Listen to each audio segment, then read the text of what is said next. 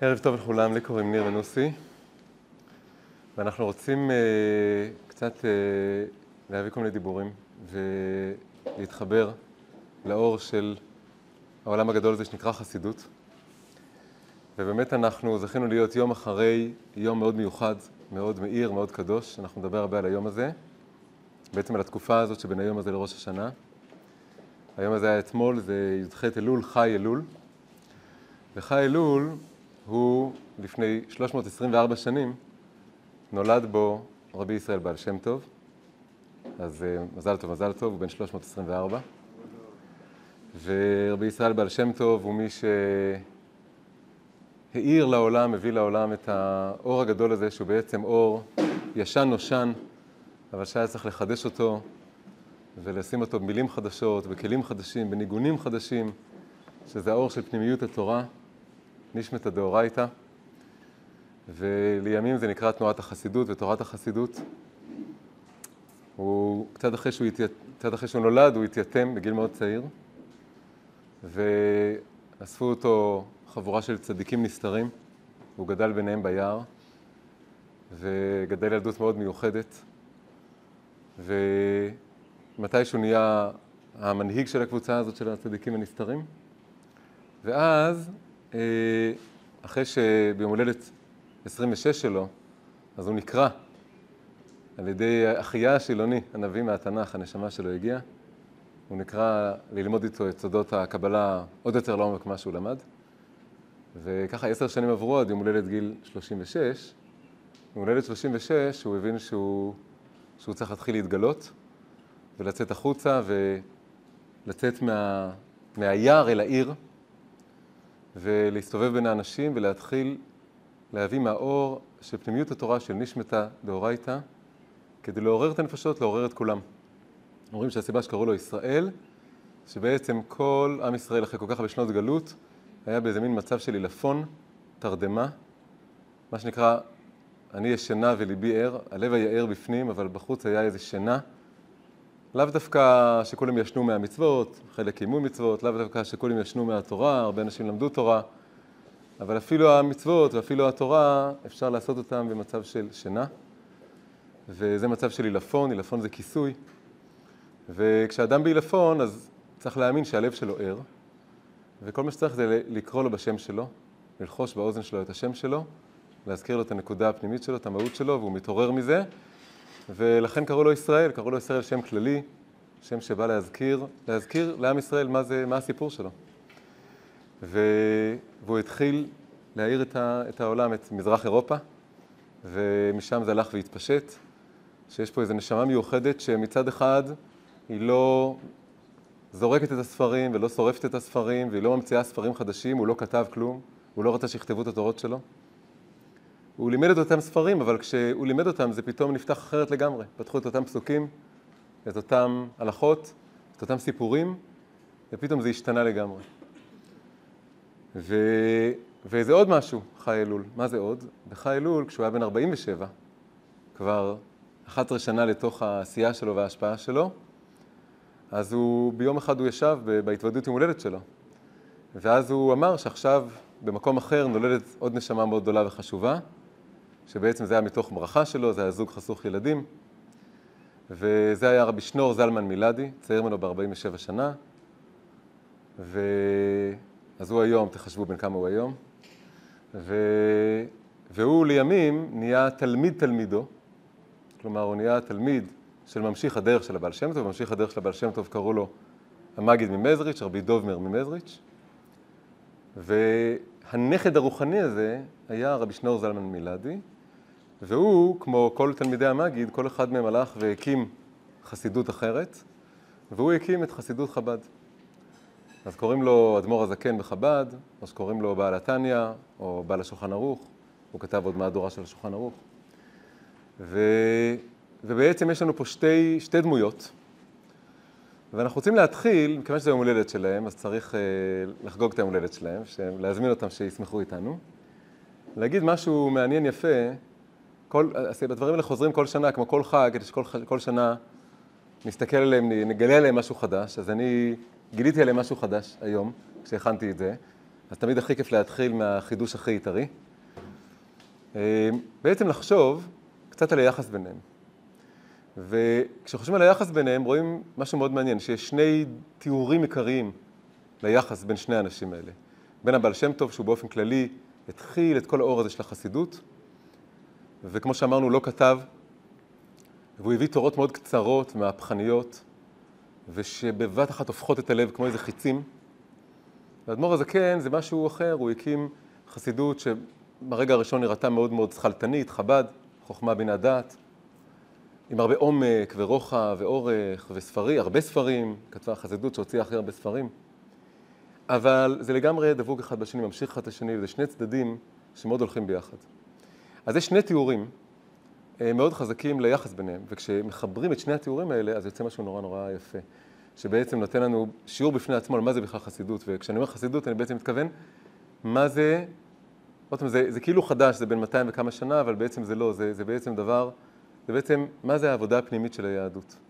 מה זה ללמוד תורה בצורה שהיא חודרת ללב ונכנסת לחדרי הלב ומאירה אותנו ובאמת באמת יורדת למטה, היא לא נשארת בראש, היא לא נשארת בידיים, כל הקומות מתאחות ומתחברות, וזה מרגיש שזה, שזה באמת דברי אלוקים חיים ומחיים.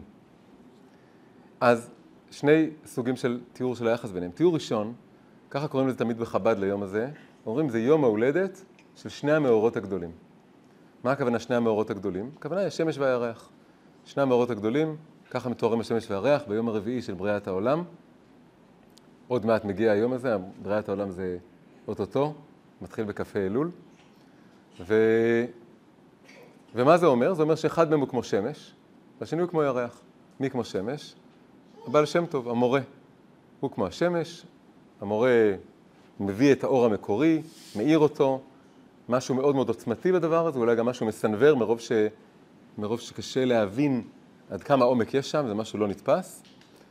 והתלמיד, אדמו"ר הזקן, הוא הירח.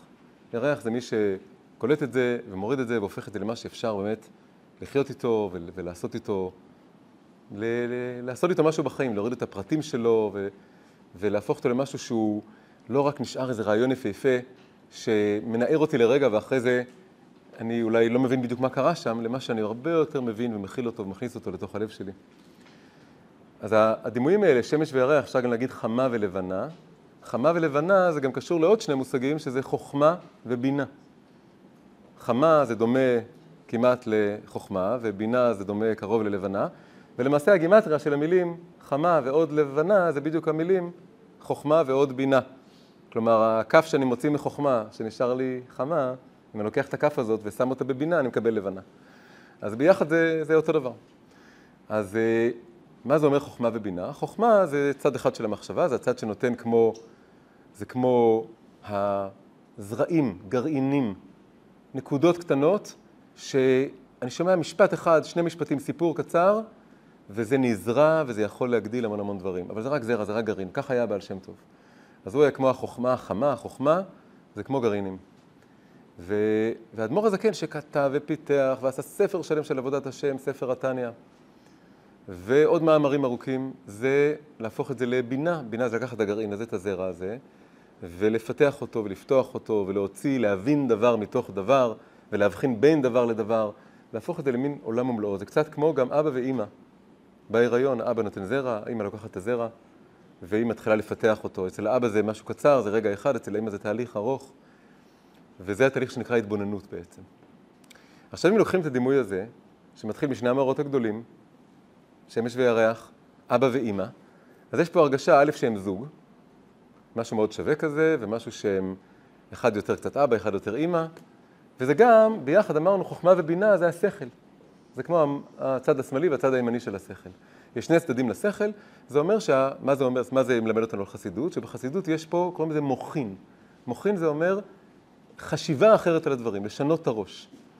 למרות שזה לומד את אותם ספרים, למרות שזה קורא את אותם פסוקים, זה מסתכל עליהם בצורה אחרת, זה להחליף ראש, לסובב את הראש, זה ראש אחר, זה מוחין אחר.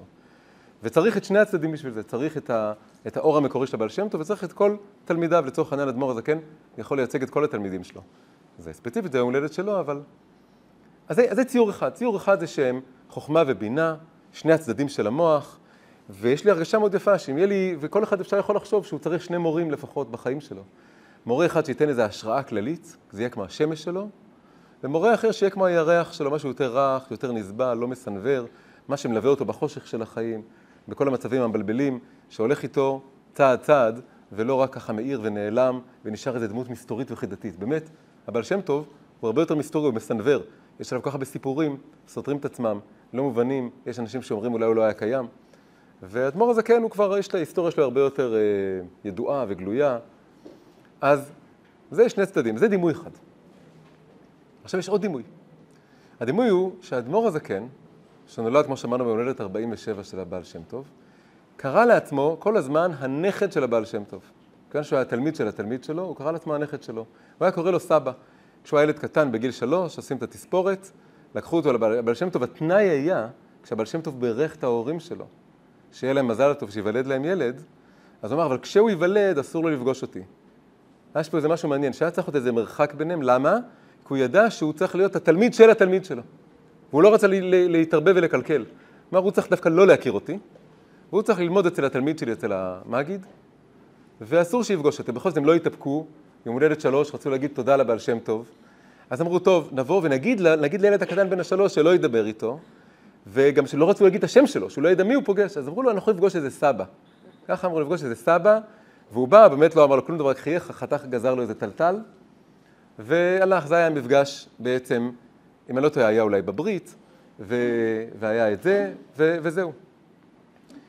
ואז הוא קרא לו, כל החיים הוא קרא לו הסבא. הוא המשיך לקרוא לו הסבא. אחרי זה היה אפילו קצת מחלוקת בתוך החסידות, היה הרבה מחלוקות בין החסידים למי שלא היה חסידים, כן? כי תמיד זה ככה שיש חידוש, אז יש התנגדות, וזה חלק, חלק עמוק מהסיפור.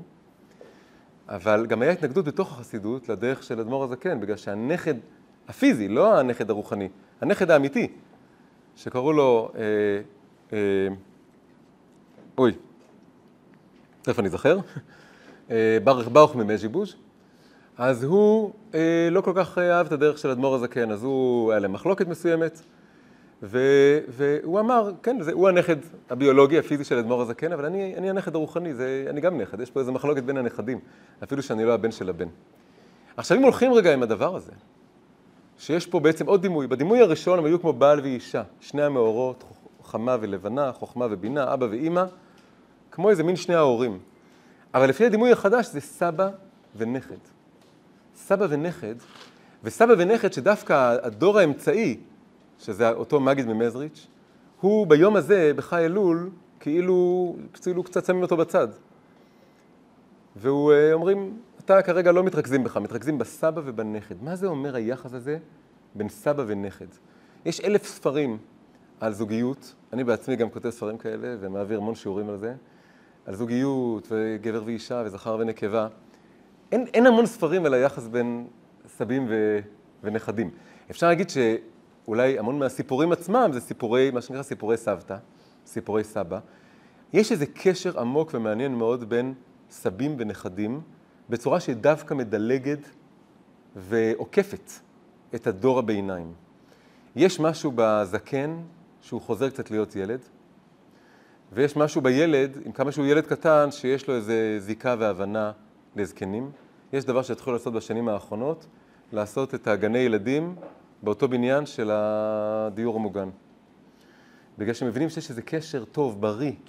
יש משהו בילדים שמחיה את המבוגרים, יש משהו מבוגרים שהוא חשוב מאוד מאוד מאוד לילדים.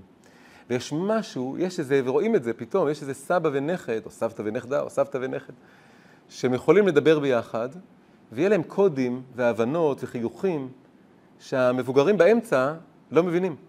אפילו שהם אה, לכאורה יותר מבוגרים מהילד, יותר קרובים לסבא. והזיקה הזאת היא זיקה מאוד מעניינת, היא מאוד עמוקה. והיא בעצם גם מסמלת משהו. היא מסמלת, כמו שהאבא והאימא מסמל את שני החלקים של המוח, שאמרנו שאז בעל השם טוב אדמו"ר הזקן זה מוח ימין ומוח שמאל, חוכמה ובינה, אבל אם הולכים על הדימוי של סבא ונכד, פתאום משהו אחר קורה. מה זה הסבא? אני עכשיו רוצה לתרגם את זה לנפש. אבא ואימא בנפש זה כמו השכל, וה... ואגב, הילדים אחרי זה, זה כל מיני תובנות והחלטות ורגשות חדשים שנולדים מתוך התהליך של הלימוד וההתבוננות שלי. זה הילדים. זה ממש דימוי בקבלה. חוכמה ובינה זה האבא והאימא, וכל מידות הלב זה כמו הילדים שנולדים להם. כשאני לומד דברים ואני באמת מתבונן בהם, אני מעמיק בהם, אז זה מוליד אצלי בנפש משהו. אז מה זה הסבא? הסבא זה מה שמעל השכל. הסבא זה כמו שורש הנשמה. זה כמו הרובד שהוא כבר, אחד הרבדים שם במושגים הקבליים, זה נקרא ספירת הכתר, מעל חוכמה ובינה יש כתר. כתר כמו שיש כתר מעל הראש. אז ככה גם השורש של הנשמה הוא מעל הראש. כמו שהשורש של העץ הוא נסתר, אז גם שורש הנשמה הוא נסתר, הוא גם נסתר לנו, אנחנו לא בעצמנו מבינים אותו, הוא רק מחיה אותנו, מפעיל אותנו.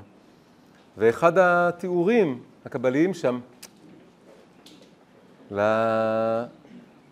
לכתר הזה, זה שיש שם איזה פרצוף, איזה בחינה, שנקראת עתיק יומין. עתיק יומין זה כפשוטו, אחד שהוא עתיק, זקן מאוד מאוד. אז זה כמו סבא. אחד התיאורים של הכתר, של שורש הנשמה,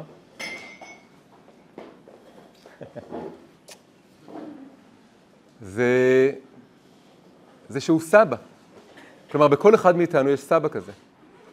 השכל שלנו זה האבא ואימא שבתוכנו, והרובד שמעל, שלפעמים קוראים לזה גולגולתא, זה כמו הגולגולת, לפעמים קוראים לזה כתר, לפעמים קוראים לזה האור המקיף של, של הנשמה, כי הוא מקיף את השכל, הוא מעל השכל, הוא חופה מעל השכל, אז זה כמו סבא. יש אה, מבנה, כתוב שיש מבנה פשוט של הנפש, שזה נפש, רוח, נשמה, זה הרבדים הגלויים, ואז חיה ויחידה. חיה ויחידה זה ראשי תיבות חי, מתאים לחי אלול. אז זה במיוחד לחי על היום הראשון של חי אלול, שזה הבעל שם טוב. אז הבעל שם טוב גם הוא הסבא. אז, אז יש סבא בנפש, שזה הכתר. ומה זה הנכד? הנכד, כמו שאמרנו, זה הילדים שנולדים ל... הנה, הילד גונב את ההצגה, כן? זה הילדים שנולדים לאבא והאימא, אמרנו, זה התובנות והרגשות שצריכות כבר לחיות בתוך הלב. הלב כאן הוא הילד של המוח. יש גם צד שנקרא פנימיות הלב, שזה יותר גבוה מהמוח, זה כמו הסבא. הסבא זה כמו פנימיות הלב, שזה יותר גבוה מהמוח, והילדים זה כמו הלב עצמו, הלב הגלוי, נגלו, הלב הנגלה, הלב שמאיר החוצה, כמו הילדים שיוצאים לשחק בחוץ, וזה ה... זה הנכדים פה. אז יש פה עוד איזה משהו, אמרנו שביום הזה היו שלושה דורות. היה הבעל שם טוב, היה המגיד ממזריץ', היה האדמו"ר הזקן, והמגיד ממזריץ' שיוסף פה נעלם פה מהחדר, ורק נשארים לשחק הסבא והנכד. אז הסבא והנכד זה איזה מין קשר ישיר בין שורש הנשמה, שמעל הראש, מעל השכל, לבין הלב.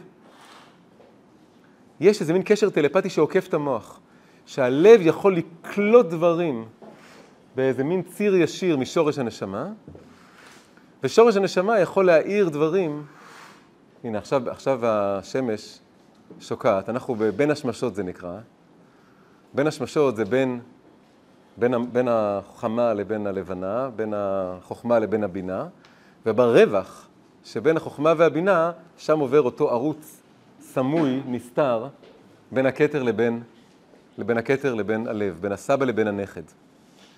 אז אם עכשיו מחברים את כל הדמיונים האלה ביחד, אז יוצא משהו מאוד מאוד גדול ויפה על מה זה באמת חסידות. וזה זה הנקודה הראשונה שלנו, לפני שנעשה עוד קצת ניגונים ונמשיך. הנקודה הראשונה היא שבחסידות יש שני צדדים. צד אחד, שאנחנו רוצים באמת, זה, זה ללמוד תורה חדשה, תורה אחרת. זה לפתוח ספרים, וזה ללמוד, וזה להבין, זה לא נשאר רק באיזו התוועדות אחת, מי שבאמת רוצה להיכנס לזה, אז צריך אה, להיכנס לזה, לחפש את זה. וזה לא רק אה, ריח ולא רק טעם, זה באמת תורה, זה באמת שכל, זה מוחין, זה ראש, זה שפה. ושפה זה צריך ללמוד, זה מוח.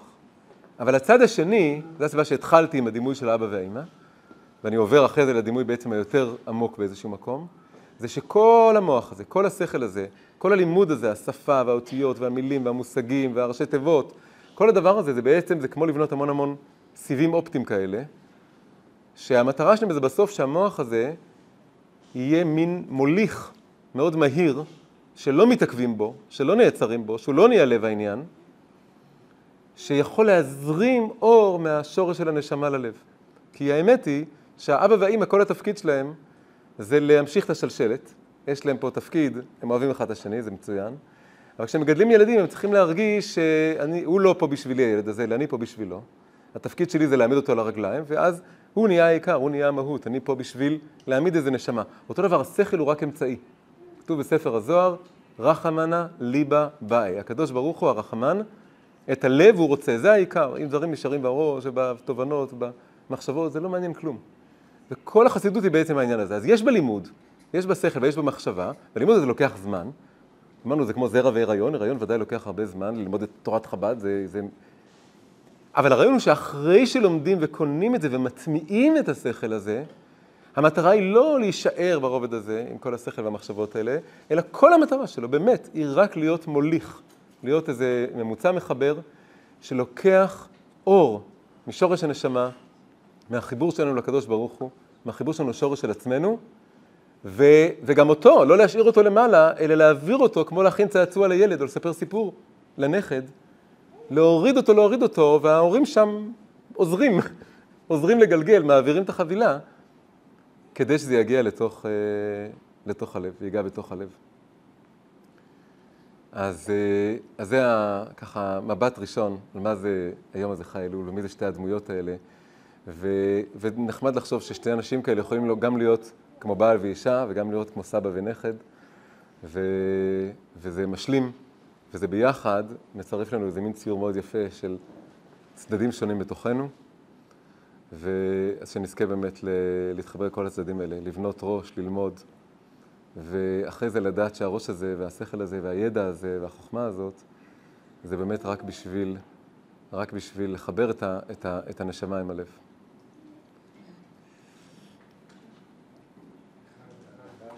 רוצים ל... את המוח עם הלב? כן. את הנשמה עם הלב. מאיר ושניאור הם אה, חברים יקרים. שניאור אירח אותי בהרבה הרבה שבתות, כשרק התחלתי, התחלתי את כל מסע ההתקרבות שלי ליהדות.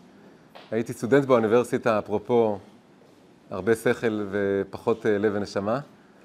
ואז הגעתי לנחלאות בירושלים, ובנחלאות אה, פתאום ראיתי, בא מולי זקן גדול, והזקן, הסוד של הזקן זה לחבר את הראש והלב, לעקוף את, ה, את הדעת זה נקרא. ו, ושניאור ורעייתו היקרה אירחו אותי הרבה הרבה שבתות, יפות ומתוקות ומקסימות. ברוך השם. ומאיר, על מאיר עוד יסופר. אז עכשיו אנחנו יכולים לנגן ניגון, או, נפלא ביותר. יש ניגון בחסידות שנקרא שלוש תנועות. והניגון הזה שלוש תנועות, כיוון שעכשיו המגיד הרגיש מקופח קצת, כל כך הוצאנו אותו ואמרנו שהשכל והדור האמצעי, האבא והאימא, לא צריך אתכם צאו מהחדר, שרק הסבא והנכד ישחקו, אז עכשיו נחזיר אותו לחדר בצורת ניגון. וזה ניגון מאוד מיוחד, כי את החלק הראשון שלו הוא באמת שלוש תנועות. את התנועה הראשונה חיבר הבעל שם טוב, את התנועה השנייה חיבר המגיד ממזריץ', ואת התנועה השלישית חיבר אדמו"ר הזקן. אז זה ממש שלושת הדורות האלה, כולם מגולמים בתוך הניגון הזה.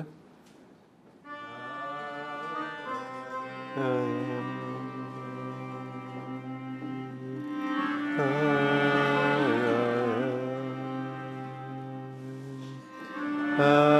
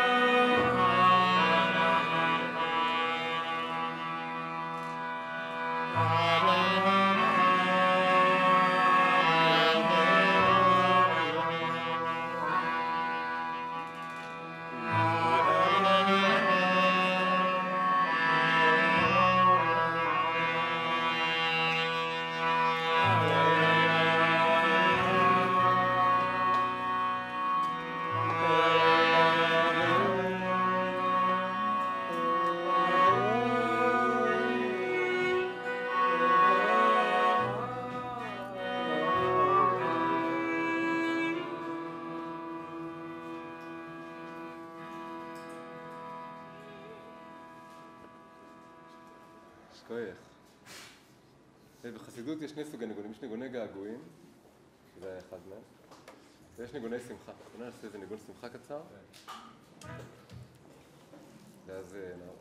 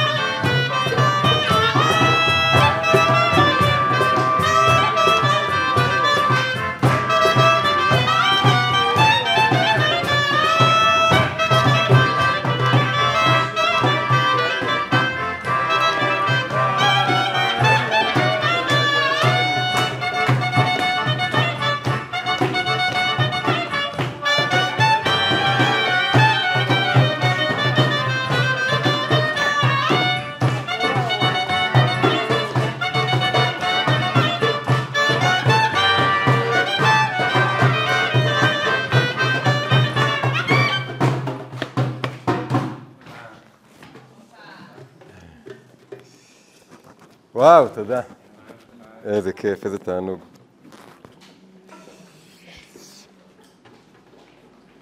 יש הרבה תשובות לשאלה, כיוון שאנחנו, חסידים אוהבים להתעסק גם בכל הפרטים של כל תאריך וכל דבר, ולמאוד מאוד לחזק את האמונה שהכל בהשגחה פרטית, אז אה, תעשה כמו תחבושת, תרים את זה.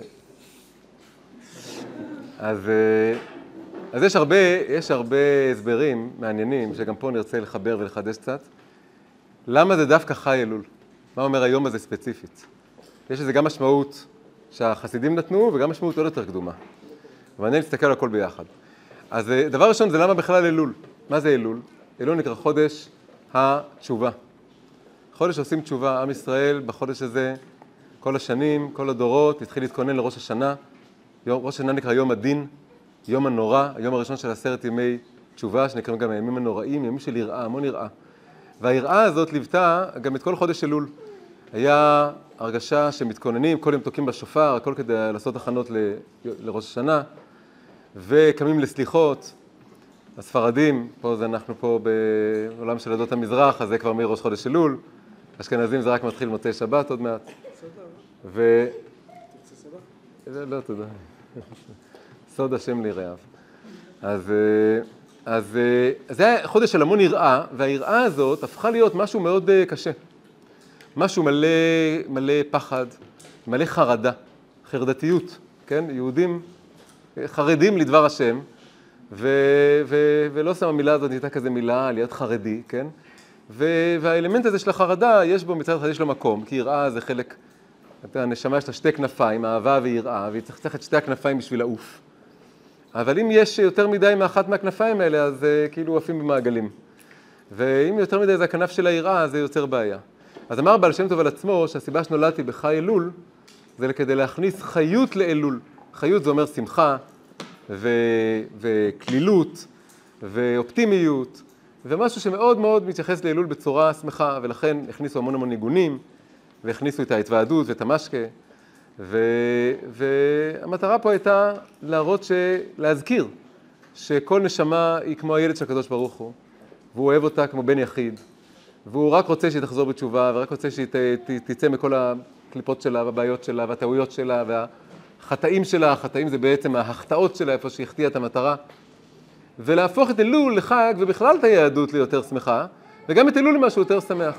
להראות שהתשובה שעושה הכאה על חטא, זה רק הרובד הכי הכי ראשוני וחיצוני של התשובה, אבל התשובה היותר עמוקה, יותר פנימית, היא תשובה שהיא מדגישה את הטוב, את ההחלטות הטובות, את החיבור לנשמה, היא לא מסתכלת על העבר, היא מסתכלת על העתיד, היא לא מסתכלת על מה עשיתי לא בסדר, מה אני כן יכול לעשות בסדר בהמשך. אחרי זה, אז זה באמת היה מהפכה מאוד גדולה, וזה עדיין מהפכה, עדיין צריך להפיץ את האור הזה לכל קצוות היהדות ומעבר גם מחוץ ליהדות. אחרי זה גם אדמו"ר הזקן, שגם נולד באותו יום, גם עשה מהפכה מאוד גדולה בהבנה של מה זה אלול. אחרי שכל הזמן אמרנו שאלול היה כולו הכנה, הכנה, הכנה להיכנס לתשרי, שזה לארמון, של המלך הקדוש ברוך הוא, ואיך נכנסים לארמון, מתלבשים בבגדים הכי טובים, ומתקלחים ומצחצחים ומנקים את כל הכתמים, ובאים כול, ביראה ורעד וחיל ורעדה ומשתחווים לפני אבינו מלכנו. אבל אדמו"ר הזקן הוסיף במשל, שנהיה מאוד מאוד יסודי בחסידות והרבה מחוץ לחסידות, שהמשל המפורסם שנקרא המלך בשדה. והוא אמר, אלול צריך לחשוב על זה ככה. נכון שבתשרי נכנסים לארמון ובאים וזה יראה וזה היום הנורא, אני לא מבטל את זה. אבל, אבל לפני שבאים לארמון יש הפתעה. המלך מפתיע את כולם ויורד לשדה. והוא בא לשדה, והוא בא לכולם עם הבגדי העבודה שלהם, עם הכתמים, עם הלכלוכים, עם הזיעה, עם, ה... עם היום-יום. והוא הולך והוא מאיר, מראה לכולם פנים צוחקות, זה היה הלשון של אדמו"ר הזקן, וצוחק ומאיר ומתקרב אליהם. וכל הדימוי הזה, כל צמד המילים האלה, המלך בשדה הוא מדהים. כי מלך זה היררכיה וסמכות, וזה גבוה וזה למעלה וזה פקודה וזה ציווי. והוא נשאר מלך. אבל שדה זה הפוך, שדה זה שוויוני ואופקי ודמוקרטי. ועכשיו בדיוק הלכה לעולמה מלכת אנגליה, והתחלפה במלך, והשנות המלוכה של ה-70 שנות מלוכה מאוד מאוד עמד בסימן של התנועה הזאת ממלך שהוא ספון למעלה, זה קרה לאורך השנים האלה, שהעולם החברה דרשה את זה, העולם דרש את זה, שהמלך קצת ירד אל העם, מה שנקרא, כן? והתחילו לעשות את הדברים האלה שהם קצת יוצאים ונפגשים ונפתחים וקצת יוצאים מהארמון וזה בעצם הכל מה שהאור של החסידות רצתה להעיר. חסידות זה היה אגב ממש קצת לפני המהפכה הצרפתית אז המהפכה הצרפתית זה ממש היה היא הייתה להרוג את המלך לטובת העם. אחרי שהמלך דיכא את העם, אז העם דיכא את המלך. אבל המלך בשדה זה להגיד שזה לא סותר, אפשר לשמור על כל, ה, כל התודעה הזאת שיש למעלה ולמטה, ויש צדיקים, ויש רבנים, ויש אדמו"רים, ויש אנשים להסתכל עליהם, לשאת עיניים, יש מלכים, רוצים, מחכים, חולמים על מלך משיח, לא מבטלים את הדברים האלה, שיש תודעה של מלך, גם הקדוש ברוך הוא יכול להיות מלך. רק מה, לא רוצה שהוא יהיה מלך, שהוא כל הזמן רק בארמון. אם גם אני הופך אותו להיות מין אימא אדמה כזה, שהוא רק היקום, העולם, אז זה רק שדה. אם אני אומר, אני מתפלל לקוסמוס, אז זה רק שדה, בלי מלך, אין משהו מעבר, שהוא יוצר את כל העולם, שנוצר איזו נקודה ארכימדית מחוץ למציאות, שיכולה להרים את המציאות. אבל אם יש מלך בשדה, זה מדהים, זה מדהים הכוח של זה, החיבור של זה. וזה בדיוק מה שהחסידות ניסתה לאחוז בשני הקצוות האלה. איך להוריד, להביא את הקדוש ברוך הוא ולהראות שהוא בעצם בעצם נוכח פה, ביום-יום, בכל דבר, והוא מקבל אותך ואוהב אותך כמות שאתה. ואחרי שבאים ומקבלים אותך ואוהבים אותך כמות שאתה, כלומר שהמלך יורד לשדה ומאיר אליך ומחייך אליך ומחבק אותך ואוהב אותך, אז, אז אתה יכול להיכנס לארמון, ואז אתה גם באמת תבוא עם היראה הזאת שצריך, אבל אתה תגיע ליראה הזאת ולכניסה הזאת לארמון במקום אחר לגמרי, זה פשוט יהיה משהו אחר לגמרי. אגב, אם כבר דיברנו קודם על השמש וירח, אחד הדברים כתוב בגמרא, יש אה, אה, משהו די פשוט, שה, שהשמש אף פעם לא רואה את הצד האפל של הירח. כן, זה פשוט, כי הצד האפל של הירח זה הצד שהשמש לא מאירה. אבל הלשון של הגמרא שם, זה שהשמש מעולם לא ראתה את הצד החשוך של הירח. ואחד ההסברים של הבעל שם טוב, הבעל שם טוב הוא השמש, גם כאן המלך הוא השמש, זה שלמה האחד שהוא בא כמו מלך, מלך מאיר כמו שמש, מאירה ושמחה, שמראה פנים שוחקות, למה הוא אף פעם לא רואה את הפנים החשוכות של התלמיד שלו, האדם שמתקרב אליו, האדם שעומד מולו? כי ברגע שהוא בכלל בא ומאיר אליו, ומחייך אליו, ואוהב אותו ומחבק אותו, אז הוא נהיה מואר, הוא נהיה שמח, הוא לא... זה מוחק לו את כל הצדדים, לכן הוא לא רואה את זה, לא משנה כמה הוא יסתובב סביבו, תמיד איך שהוא לא יסתכל עליו, הוא יסתכל עליו בצורה שהיא מאירה אליו. פעם חשבו שכשמבט, כשאנחנו מסתכלים על משהו, זה שהיא יוצאת קרן אור מהעין ונוגעת בעצם וחוזרת לעין. והיום פיזיקלית לא מאמינים בזה. אם כי יש כמה אנשים שטוענים שיש בזה משהו, שיש חיות בטבע שמרגישות שמסתכלים עליהן. כלומר שהמבט נוגע בהם באיזשהו אופן. אבל ודאי ודאי שרוחנית זה נכון לגמרי, שהמבט זה בעצם דבר פעיל ולא סביל. אנחנו צריכים להוציא קרן אור מתוכנו פנימה ולהאיר את מי שעומד מולנו. וככה עושה המלך שהוא יורד לשדה ומאיר את כולם. אז, אז הנה, אז, אז הבעל שם טוב אמר שהוא רוצה להוסיף חיות לאלול, והאדמו"ר הזקן הביא את הדימוי הזה של המלך בשדה, וזה באמת, דווקא ביום הזה עשה המון המון חיות והתחדשות באלול. אבל ביום הזה חי אלול, עוד פעם, אנחנו, זה היה אתמול, אבל אנחנו בתוך התנועה מתוך היום הזה, יש לה משמעות וחשיבות עוד לפני שנולדו שניהם. יש משמעות קבלית דווקא לתאריך הזה, שעכשיו נסביר אותה, ויש לה בעצם שתי משמעויות. ושתי המשמעויות האלה, העובדה שאחרי זה, הרבה שנים אחרי שהדברים האלה היו קיימים, הרעיונות האלה היו קיימים, נולדו הגדולי החסידות האלה, מראה שכנראה יש קשר בין שני הדברים, אז, אז אני רוצה לחבר את זה, אבל מה, מה הם שתי המשמעויות?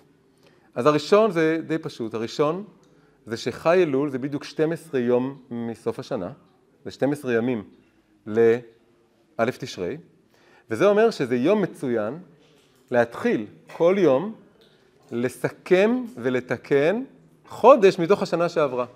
כלומר שבחי אלול חושבים מה עשיתי לא בסדר בתשרי השנה, הם מתקנים את זה, והיום היה י"ט אלול, אז זה היה חשוון, ועכשיו אנחנו נכנסים אנחנו אור לכף אלול, אז זה כבר נהיה כסלו, אז לחשוב על כסלו, מה שהיה, מי שזוכר, מי שלא זוכר, פשוט אומר, טוב, נעשה, נעשה החלטות טובות, קבלות טובות, וגם באיזשהו מקום זה מכין את החודשים הבאים, כן? כלומר, זה לוקח את ה-12 חודשים האחרונים ועושה להם איזה תיקון, איזה תשובה, איזה גיהוץ, ככה שמה שהיה לא בסדר, אני עכשיו מתקן את זה, ומתרכז בזה במעשים טובים, בזה, ימים מרוכזים כאלה. אז זה בדיוק 12 יום, מתחילים אז יוצא שהחי אלול זה מן הנקודת, נקודת התשרי שבסוף אלול, שהיא בעצם מן התחלה, התחלה של הסיכום שנה והכנה לשנה החדשה. איך זה מתחבר לחסידות הדבר הזה? אז לאחרונה יצא ספר מאוד מקסים שאני ממליץ לכולם פה לקנות אותו, על הרב עדין שטיינזל, זיכרונו לברכה. הספר הזה נקרא סיפור טוב מתחיל באמצע, שכתב תלמיד שלו יואל שפיץ עם המון המון סיפורים שלו. ספר, חבל על הזמן. ו... ואחד הדברים שהוא אומר שם זה שהוא היה בא אל כל התלמידים ביום ביום כיפור או בעשרת ימי תשובה, והיה רואה את כולם ככה מיוסרים, אומר, תקשיבו, אם יש פה מישהו שעשה את אחת מהגימל עבירות של ירק ואל יעבור, אז בבקשה שאני מבין שהוא עושה את זה, אבל כל השאר מספיק. אה, אין מה להתרכז כל כך. כאילו, מה זה לרכז ב-12 יום את כל העבירות שלנו, מה או כל הדברים הלא טובים שעשינו ב-12 חודשים האחרונים?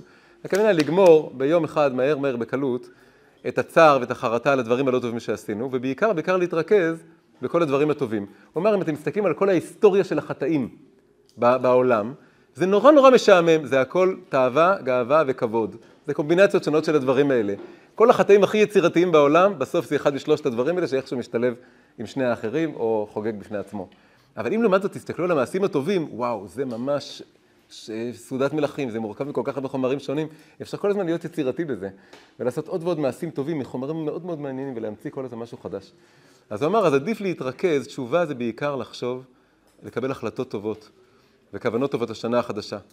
אז השנה החדשה עוד לא הייתה, זה הגיוני שזה יום אחד, אני מקבל החלטה כדי להתחיל לרוץ איתה בשנה הקודמת. ולגבי השנה שהייתה, שזה לתקן את הדברים שהיו, אז באמת צריך אה, גם כן ביום אחד בנקודה אחת להגיד, טוב, מה שהיה היה, אני מצטער על זה, ועכשיו לרוץ קדימה. זה, זה דבר ראשון. עכשיו יש עוד משמעות לתאריך הזה. דבר אחד שזה 12 יום לפני ראש השנה, אז זו נקודה מעניינת, ועכשיו אפשר לנצל את זה, מי שלא ידע מזה, בימים שנשארו. אבל יש עוד דבר. מה זה ראש השנה? א' תשרי, היה מחלוקת בגמרא, האם העולם נברא בניסן או בתשרי. והכריעו שהוא נברא בתשרי, וככה מקובל. אבל מה הכוונה שנברא בתשרי? מה קרה בדיוק באלף תשרי? מה, זה היום הראשון של יהי אור? לא. אומרים שבאלף תשרי, כן, הביטוי בתפילה אומר היום הרת עולם. ההיריון של העולם, הלידה של העולם. אבל בעצם זה לא מדויק. באלף תשרי זה היום שבו נברא האדם. זה בעצם היום השישי של בריאת העולם.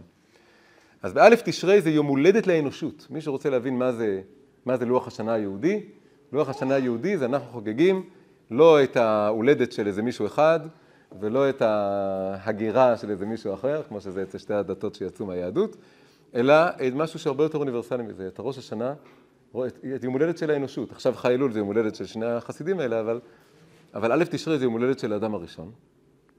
ואז יוצא שמתי נברא העולם? בכ"ה אלול. אז מה הקשר לחי אלול? אז התשובה היא כזאת. רעיון נורא נורא יסודי בקבלה אומר שלפני שהיה את העולם הזה, העולם הזה נקרא עולם התיקון. מה זה אומר עולם התיקון? זה עולם, אומר עולם שהוא מתוקן ועומד ויציב, והוא מצליח להחזיק מעמד, הוא עדיין מבולגן, ועדיין יש בו כל הזמן עבודה, וכל הזמן צרות, וכל הזמן צריך לעשות סדר בצרות האלה, אבל יחסית הוא מחזיק מעמד, והוא יציב, אפשר לתקן אותו. תיקון זה בעצם אומר בר תיקון, זה עוד לא שהוא מתוקן לגמרי, אבל הוא בר תיקון. אבל לפני זה היה עוד עולם. העולם הזה קראו לו עולם התוהו. והוא לא סתם נברא. עולם התוהו נברא ונחרב. כמה זמן הוא החזיק מעמד? שבוע. הוא נברא, היה בו אורות מאוד מאוד גדולים, יותר גדולים מהעולם הזה. היה לפני העולם הזה עולם קודם, עם אורות עצומים וגדולים ומופלאים. אבל הכלים היו קטנים, צרים, לא מפותחים. והם נשברו. והם העירו ונשברו והעירו ונשברו, ככה שבעה ימים. ואז העולם הזה זה כבר עולם עם כלים יותר יציבים ורחבים ו- ומשוכללים, והאורות יותר קטנים. למה היה את העולם הזה? אז כבר מבינים מה הקשר לחי אלול, שחי אלול זה היום הראשון של השבוע של הבריאה של עולם התוהו. הרבה לפני שנולד בעל שם טוב, זה כבר היה בקבלה, משהו מאוד מאוד עמוק, שהארי כותב אותו, ואחרי זה הרשש, אפרופו מקובלים מעדות המזרח, מאוד מאוד פיתח אותו את הנקודה הזאת של עולם התוהו ושל האורות האלה שהאירו בשבעה ימים שלפני כ"ה אלול, מחי אלול עד כ"ד אלול, שבעה ימים של עולם התוהו. למה בכלל היה את הדבר הזה? הקדוש ברוך הוא לא עושה טעויות, הוא יודע בדיוק ל- ל- למדוד את היחס בין האורות והכלים, הוא יודע שהכלים יישברו, הוא בכוונה ברא עולם שיישבר, כדי שיהיה משקעים בתוך העולם הזה. העולם שלנו בנוי על המשקעים, על הכלים השבורים, על הניצוצות קדושה שנשארו מעולמות התוהו האלה. למה? כדי שהעולם יהיה ספוג בגעגועים למשהו גדול יותר. שיהיה צרוב וטבוע בעולם ובכל נשמה בעולם, שכמו שאומרים באנגלית, there's more to life than this.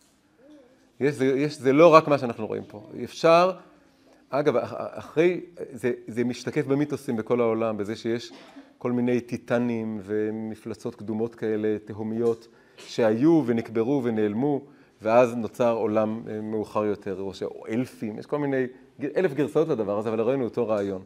והמדע המודרני, שכאילו כבר זרק את כל האגדות והמיתוסים האלה, הוא בעצם קיבל משל חדש לאותו דבר, הוא חפר באדמה ומצא פתאום שחיו פה יצורי ענק, מופלאים, מדהימים, שהסתובבו לפני שהיינו בו. ואת מי זה הכי מצית הדמיון של ילדים. ילדים מת, מתפעלים מזה, מתרגשים מזה, שפעם פעם לפני שהיו בני אדם, אז התהלכו כאן איזה דרקונים בעצם. ו, וזה הכל משלים שונים לדבר, מושג קבלי, שאומר שיש אורות של תוהו, עוצמת, של יצירתיות והשראה ושמחה וחלום והשראה לתיקון והשראה לחיבור בין נשמות, שהם הרבה יותר גדולים ממה שאנחנו חולמים, והעבודה שלנו זה להרחיב לאט לאט את הכלים שיוכלו להכיל אותם. היעד הסופי של כל החסידות, זה נקרא שנוכל להגיע למצב של, מצב שלו, בעולם התוהו היה אורות של תוהו גדולים וכלים של תוהו, כלים קטנים.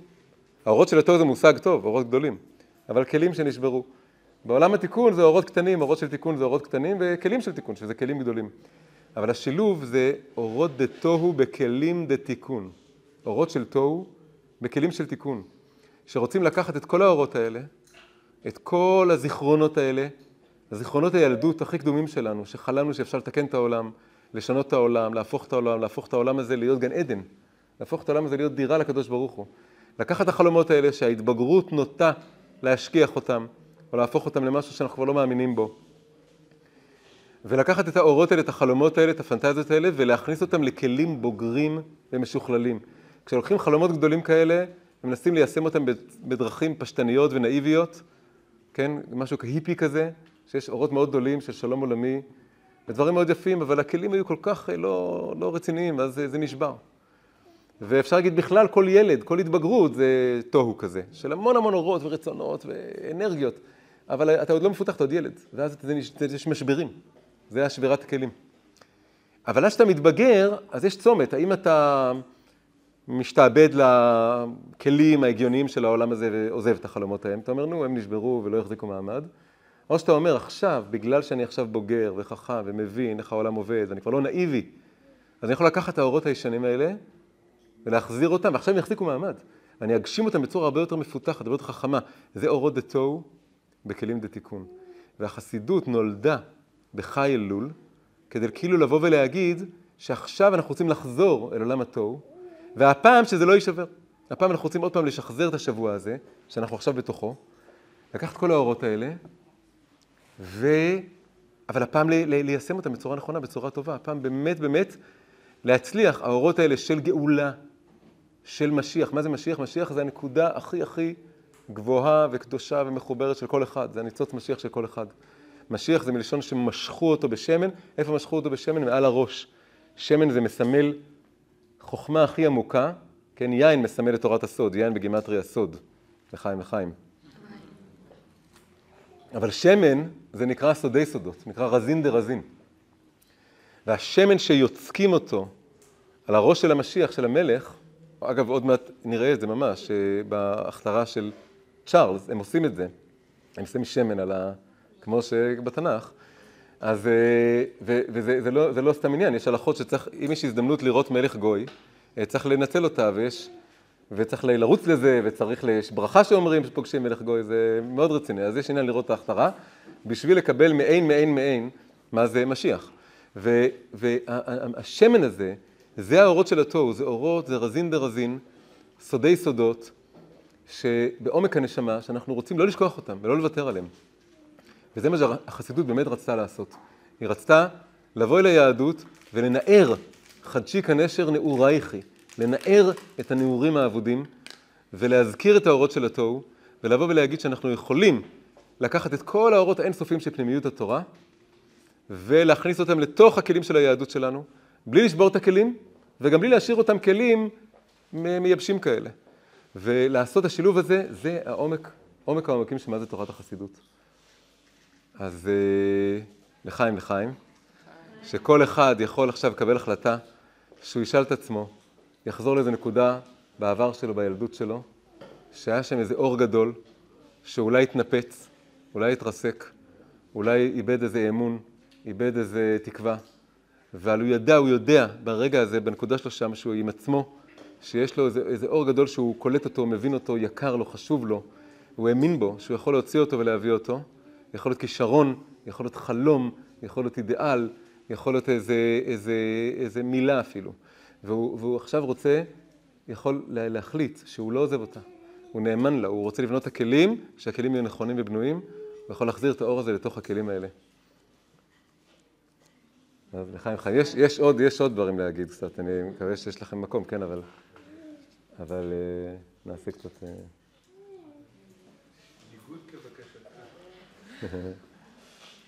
תפתיעו אותי.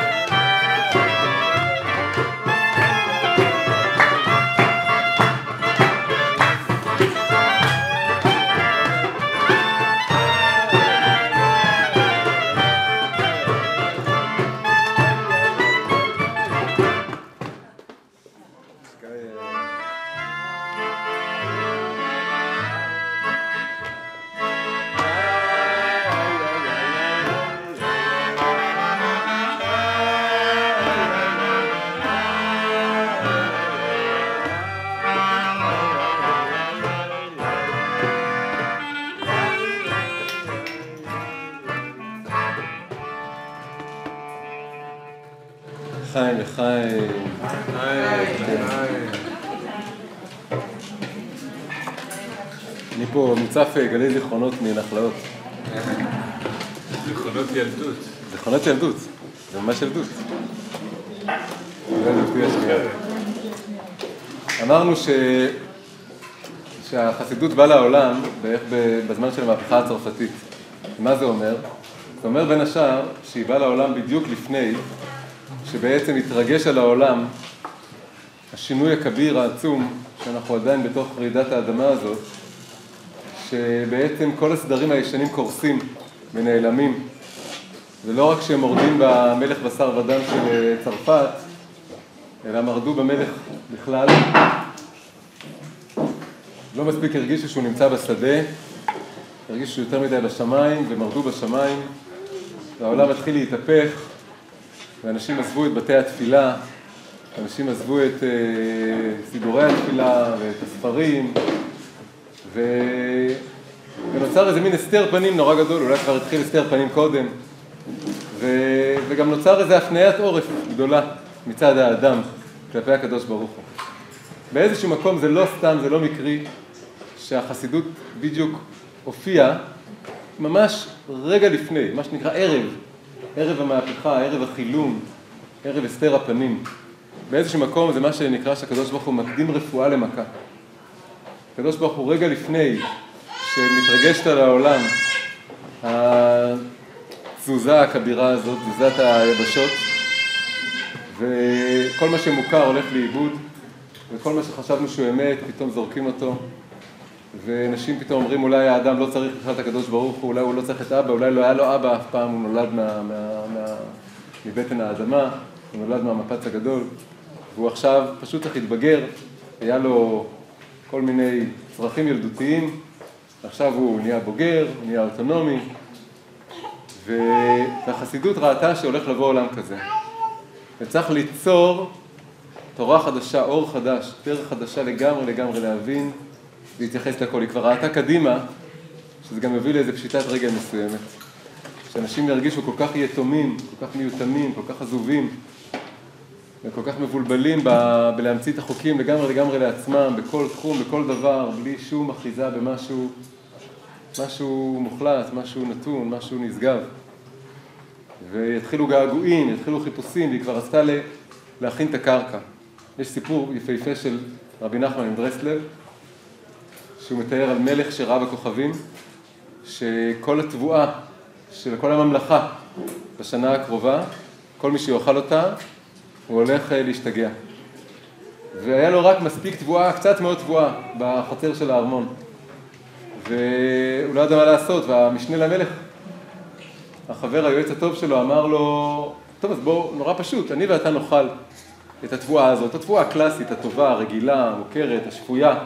נשאר שפויים, נהיה אי של שפיות. בעולם, באוקיינוס לא שפוי, כולם השתגעו, אנחנו נשמור על הגחלת, נאכל מהתבואה השפויה, נשמור על ההיגיון, ואולי יום אחד, מי יודע, נצליח להקים את הממלכה מחדש, מתוך הגרעינים של השפיות. והמלך אמר לו, זה לא יעבוד, אי אפשר בעולם של שיגעון לבנות אי של שפיות, הצונאמי יטביע את האי הזה. כי מה יקרה לשפויים בעולם של משוגעים? יכניסו אותם לבית משוגעים. הם יהיו המשוגעים, הם יהיו אלה שלא מבינים כלום. הם יהיו הפרימיטיביים, הם יהיו המיושנים, יהיו אלה שעדיין אוחזים בכל מיני סדרים שכבר התנפצו והתפרקו. אין ברירה, הוא אמר. אנחנו חייבים גם לאכול מהחיטה המשוגעת. גם אני ואתה. הוא אומר, אבל אנחנו, אבל אנחנו יודעים שזה משוגע. הוא אומר, נכון. וזה יהיה ההבדל, אנחנו נעשה סימן. סימן על המצח שלי, סימן על המצח שלך. כל שנסתכל אחד על השני, נדע שאנחנו משוגעים. במילים האחרונות אנחנו נשתגע ביודעין. והמלך פה זה כמו הקדוש ברוך הוא, והמשנה למלך זה כמו הבעל שם טוב. והם התטקסו עצה ביחד. אמרו, אפשר להמשיך בדרך החרדית הקלאסית, זה לאכול מהתבואה הרגילה. וזה, ונשמור, נשמור על, ה, על, ה, על החומות, ו, וניצור אותם, ו, ו, ועד שהעולם יחזור לאיזו שפיות, יחזור לאיזו אמונה. ואפשר להגיד, לא, אין מה לעשות, השיגעון הזה הוא חלק מהסיפור, השיגעון הזה הוא חלק מה, ממה שהקדוש ברוך הוא מגלגל לעולם, אבל צריך להשתגע ביודעין צריך להשתגע מתוך צלילות דעת, צריך לשלב שפיות ושיגעון. עכשיו זה באמת עוד דבר מאוד עמוק שהחסידות רוצה לעשות, וזה מתחבר מאוד מאוד יפה לראש השנה. אז בעצם הנקודה האחרונה שאני רוצה להעביר כאן, זה הכנה לראש השנה. אמרנו שיש חי אלול זה שבעה ימים של תוהו, אורות של תוהו גדולים שהם קודמים לעולם, והם מתפרקים ונשברים ורוצים להחזיר אותם. ואז מכ"ה אלול מתחיל להיבנות העולם עצמו, והוא מגיע לשיא בראש השנה. ובראש השנה נברא האדם. ומה קרה כשנברא האדם? כי מה שקרה כשנברא האדם חוזר על עצמו כל שנה. יש מדרש מאוד ידוע, אני חושב שכבר כולם שמעו אותו, או כמעט כולם שמעו אותו בצורה זו או אחרת, וזה שכשאדם וחווה נבראו, אז אה, זה לא היה שהוא היה גבר והיא הייתה, יצאה מהצלע של החזה שלו, אלא צלע הכוונה היא צד, והם היו דו-פרצופים, הם היו מחוברים בגב, ו... וההפרדה זה היה נסירה קראו לזה, זה היה להפריד את הזכר והנקבה, כדי שיוכלו להיפגש פנים בפנים הפעם. הם היו כבר מחוברים, הם היו איש ואישה, אבל הם היו, הם היו גב אל גב, לא ראו אחד את השני, לא באמת בחרו להיות אחד עם השני, זה לא היה מתוך בחירה, זה היה מתוך הרגל. זה היה כלאחר יד, חיבור באחור, זה חיבור כלאחר יד, זה משהו שאתה מובן מאליו. ממילא כשכתוב שכשלא טוב להיות האדם לבדו, מסתבר שהוא לא לבדו עכשיו, אבל מסתבר שלהיות ביחד, אבל גב אל גב, זה, זה גם בדידות, זה בדידות אולי הכי גרועה. שאנחנו ביחד, אבל לא באמת פוגשים אחד את השני, אלא רגילים זה לזה. ואת זה היה צריך לשבור. איך שעברו את זה? על ידי זה שהקדוש ברוך הוא הפיל תרדמה על האדם, על הגבר. היה צריך להרדים את הצד הזכרי, ואז היה אפשר להתחיל לבנות את הצד הנקבי, ולהפריד אותו, לבנות אותו. כתוב שמפריד את הצלע ואז הוא בונה, ככה כתוב בפסוקים, ואז הם יכולים להתחיל לחפש אחד את השני. הוא מחפש אותה, היא מחפשת אותו. בקבלה מסבירים שזה יותר היא מחפשת אותו. לעתיד לבוא, יש פסוק מפורש, שלעתיד לבוא אנשים יחזרו אחרי הגברים יותר מאשר הפוך. זה נקרא נקבה תסובב גבר, תסובב זה תחזר. כל החוכמה, כל החוכמה זה לעשות את זה בחוכמת נשים, בחוכמה, כדי שבסוף, בסוף, בסוף יהיה נדמה לו שהוא חיזר. זה, זה, זה באמת לסובב. זה לסובב ולחזר בצורה שהיא בעצם, לא, זה ממש ציור בקבלה, שאחרי שיש את הנסירה והיא נבנית, אז היא עושה סיבוב, סיבוב, סיבוב, עד שהיא מתייצבת מולו, ואז, ואז הוא צריך לחזר וליזום. לא אבל היא הייתה, אבל הוא לא יודע לסובב את הראש מעצמו, אז היא צריכה להכניס את עצמה לפריים שלו, מה שנקרא, מה שנקרא להמציא את עצמה מולו, כמו להמציא טופס, כן? היא צריכה... כן, כן, לפעמים צריך כמה סיבות. זה תלוי בגבר. עכשיו, מה העומק? עכשיו, ההסבר הוא, ההסבר הוא שהדבר הזה, הנסירה והבנייה של הצד הנקבי והזיווג מחדש, זה קורה כל תשרי, כל פעם מחדש. התקיעה של השופר זה החיתוך של הזכר והנקבה. רוצים לחתוך אותם באלף תשרי, וזה היום של בריאת האדם, זה גם היום של בריאת חווה, זה הכל באותו יום. אז התקיעה שבשופר זה הנסירה. ואז מתחיל הסיבובים והחיפושים, שזה עשרת ימי תשובה, תשובה זה לשוב ולחפש, ואז כשמצליחים להגיע פנים בפנים ביום הכיפורים, אז מתחיל תהליך של באמת החיבור ביניהם. סוכות זה נקרא חיבוק. למה הסוכה זה נקרא ימינו תחבקני. מה ההגדרה לסוכה? צלע, צלע שנייה ועוד קצת צלע שלישית. אז זה ימינו תחבקני, הסוכה היא החיבוק. מה, מה עושים ביום האחרון של סוכות, הושענא רבה? לוקחים את הערבות, קוראים לזה חבטה, יש אנשים שעושים את זה בעלים, בעלים, בצורה מבהילה כזאת, אבל כשתשמעו את מה שאני רוצה להגיד עכשיו, לא תעשו את זה בחיים ככה. החבטה של הערבות זה הנשיקה. הסוכה זה החיבוק. בהושענא רבה זה כבר יום שעוזבים את הסוכה ומתקדמים. מתקדמים בחיבור ועוברים מחיבוק לנישוק. וזה החבטה של הערבות, זה נשיקה, זה השקה עם האדמה. אז ביחד זה חיבוק ונישוק, זה נקרא ראשי תיבות חן. זה סוד כל הקרבה שמובילה. ואז שמיני עצרת זה כבר החיבור, הזיווג. יש חיבוק ונישוק וזיווג. וזה סוכות, הושענא רבה, זה הולך ומתחיל לאט ומאיץ ומגיע בשמיני עצרת לחיבור עצמו. אבל זה הכל, זה הסיפור של תשרי, בעומק וקבלה. עכשיו, מה הסיפור עם הנסירה? זה היה כמו השופר. מה הסיפור עם, ה... עם הנסירה? הסיפור עם הנסירה הוא כזה. מה זה הבנייה של הצד הנקבי? מה זה שהצד הזכרי צריך ללכת לישון כדי שהצד הנקבי יוכל לקבל עצמאות ולהיבנות? הדימוי הוא כאן שזכר ונקבה זה גם, כיוון שיש ברמה הכי של הפריון, אז הזרע עוזב את הזכר ומגיע לנקבה. אז זה קצת כמו משפיע ומקבל. הבנייה של הצד הנקבי זה הבנייה של המקבל. אז זה גם קשור באמת לגדילה בכלל. כשמישהו גדל, הנקבה פה היא גדלה, הוא בונה אותה, ויבן השם אלוקים את הצלע. וזה גם קשור בעידן שלנו לעלייה של הנשיות עצמה, שנמצאת בעלייה, מעמד האישה בעלייה. זה נושא שלם שכתבו עליו בקבלה כבר בדורי דורות, במאה ה-16 אצל הארי זה כבר נושא ענק, שככל שמתקרבים לגאולה, אז כל הצד הנקבי של המציאות והנשים נמצא בעלייה גדולה. וזה גם, אפשר להרחיב את זה עוד יותר, זה לא רק עליית הנשיות, זה עליית האנושיות. זה עלייה של הדמות של המקבל שלנו, של בני האדם. היינו קצת כמו האישה של הקדוש ברוך הוא, כמו שפעם נשים היו ביחס לגברים.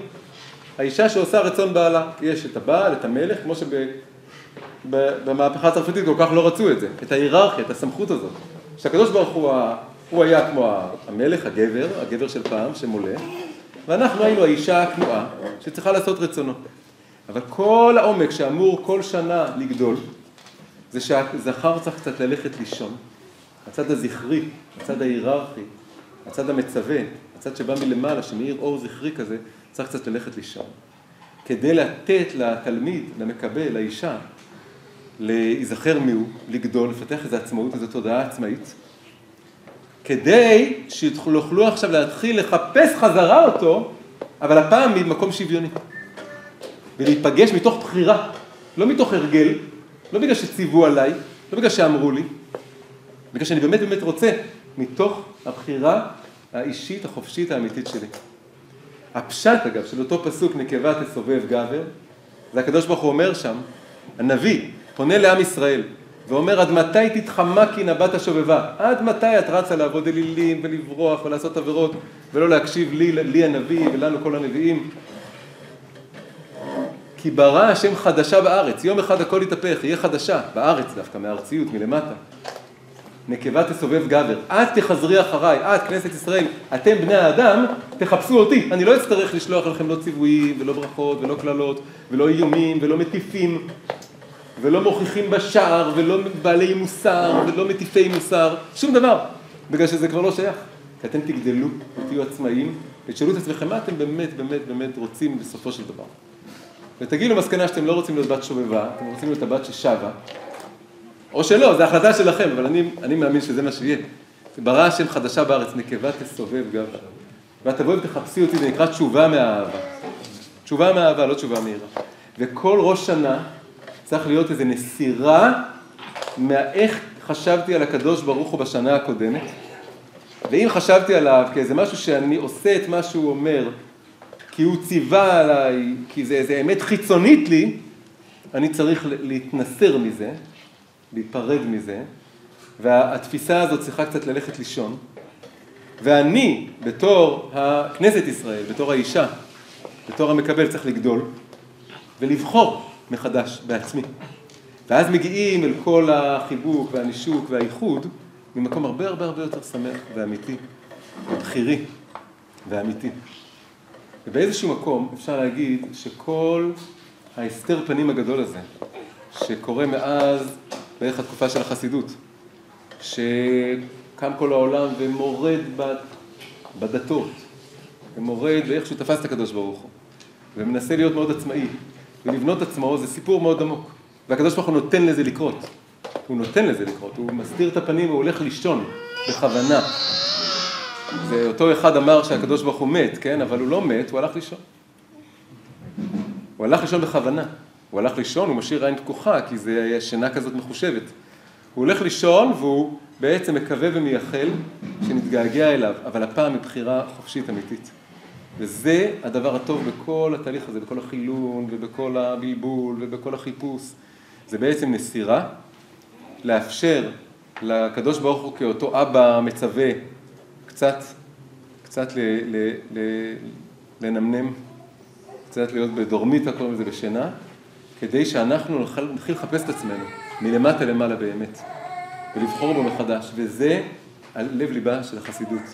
היא, היא, היא שם, היא שם בשינה של הדבר, של הדפוס האחד, ובכל הזמן לעורר ולחדש את ההסתכלות ואת ההתבוננות ולהדגיש את המקום שמגיע לזה מתוך הזדהות, מתוך בחירה, מתוך זה שמהדהד בלב שלי, מתוך זה שזה באמת נוגע לי, מתוך זה שאני באמת באמת רוצה להתבגר ולגדול ולצאת מעצמי ולבחור ולהתחבר לאור הגדול הזה, שהוא בעצם גם השורש נשמה האמיתי שלי, והוא השורש נשמה של כולם, הוא מה שמחבר את כולם. ולפגוש גם את התורה, התורה, יש הסבר שזה כמו מכתב האהבה שהבעל כתב לאישה. ואז הוא נסע, הוא נעלם ונשאר רק המכתב. אפשר לקרוא את המכתב הזה בכל מיני צורות, זה תלוי בנו. אפשר לקרוא את זה בצורה שהיא מאיימת אלינו, מבהילה אותנו. יש סיפור מפורסם על אדמו"ר הזקן, שזה גם היום הולדת שלא אמרנו, שהוא תמיד היה הבעל קורא.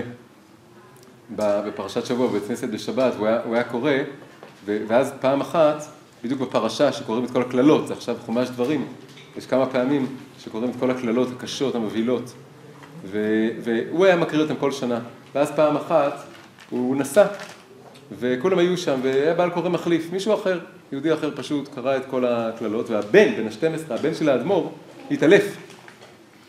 ואחרי שהעירו אותו והרגיעו אותו, אמרו לו, מה, זה לא פעם ראשונה שאתה שומע את הפרשה הזאת, אתה כבר ילד גדול. הוא אומר, כן, אבל כשאבא היה קורא את זה, לא היו שומעים את הקללות.